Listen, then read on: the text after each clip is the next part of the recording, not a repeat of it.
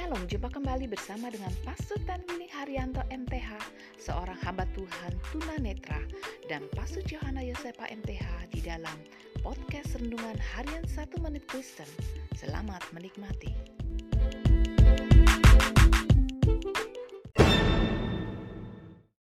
Shalom saudara yang berharga di mata Tuhan, senang dapat jumpa dengan saudara. Hari ini firman Allah mengingatkan kita untuk kita tidak mengeluh. Mandor-mandor orang Ibrani mengalami tekanan dari orang-orang Ibrani dan juga mengalami tekanan dari Raja Firaun. Pertama-tama mereka mencoba untuk memproduksi batu bata dengan jumlah yang sama dan mereka harus juga mengumpulkan jerami sendiri. Mereka merasa tidak mampu.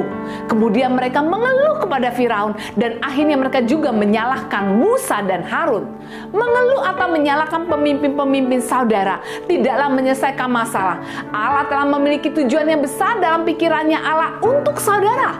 Jadi ketika saudara merasa tertekan oleh situasi dan keadaan, daripada mengeluh dan menyalahkan orang lain, ambillah keputusan untuk berbalik kepada Allah sehingga saudara dapat melihat hal lain yang akan Allah kerjakan dalam hidup saudara.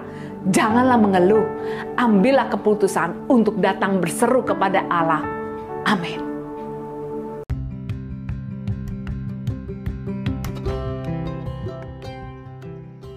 Kasih saudara telah mengikuti podcast Renungan Harian 1 Menit Kristen. Sampai jumpa pada episode berikutnya. Tuhan Yesus memberkati.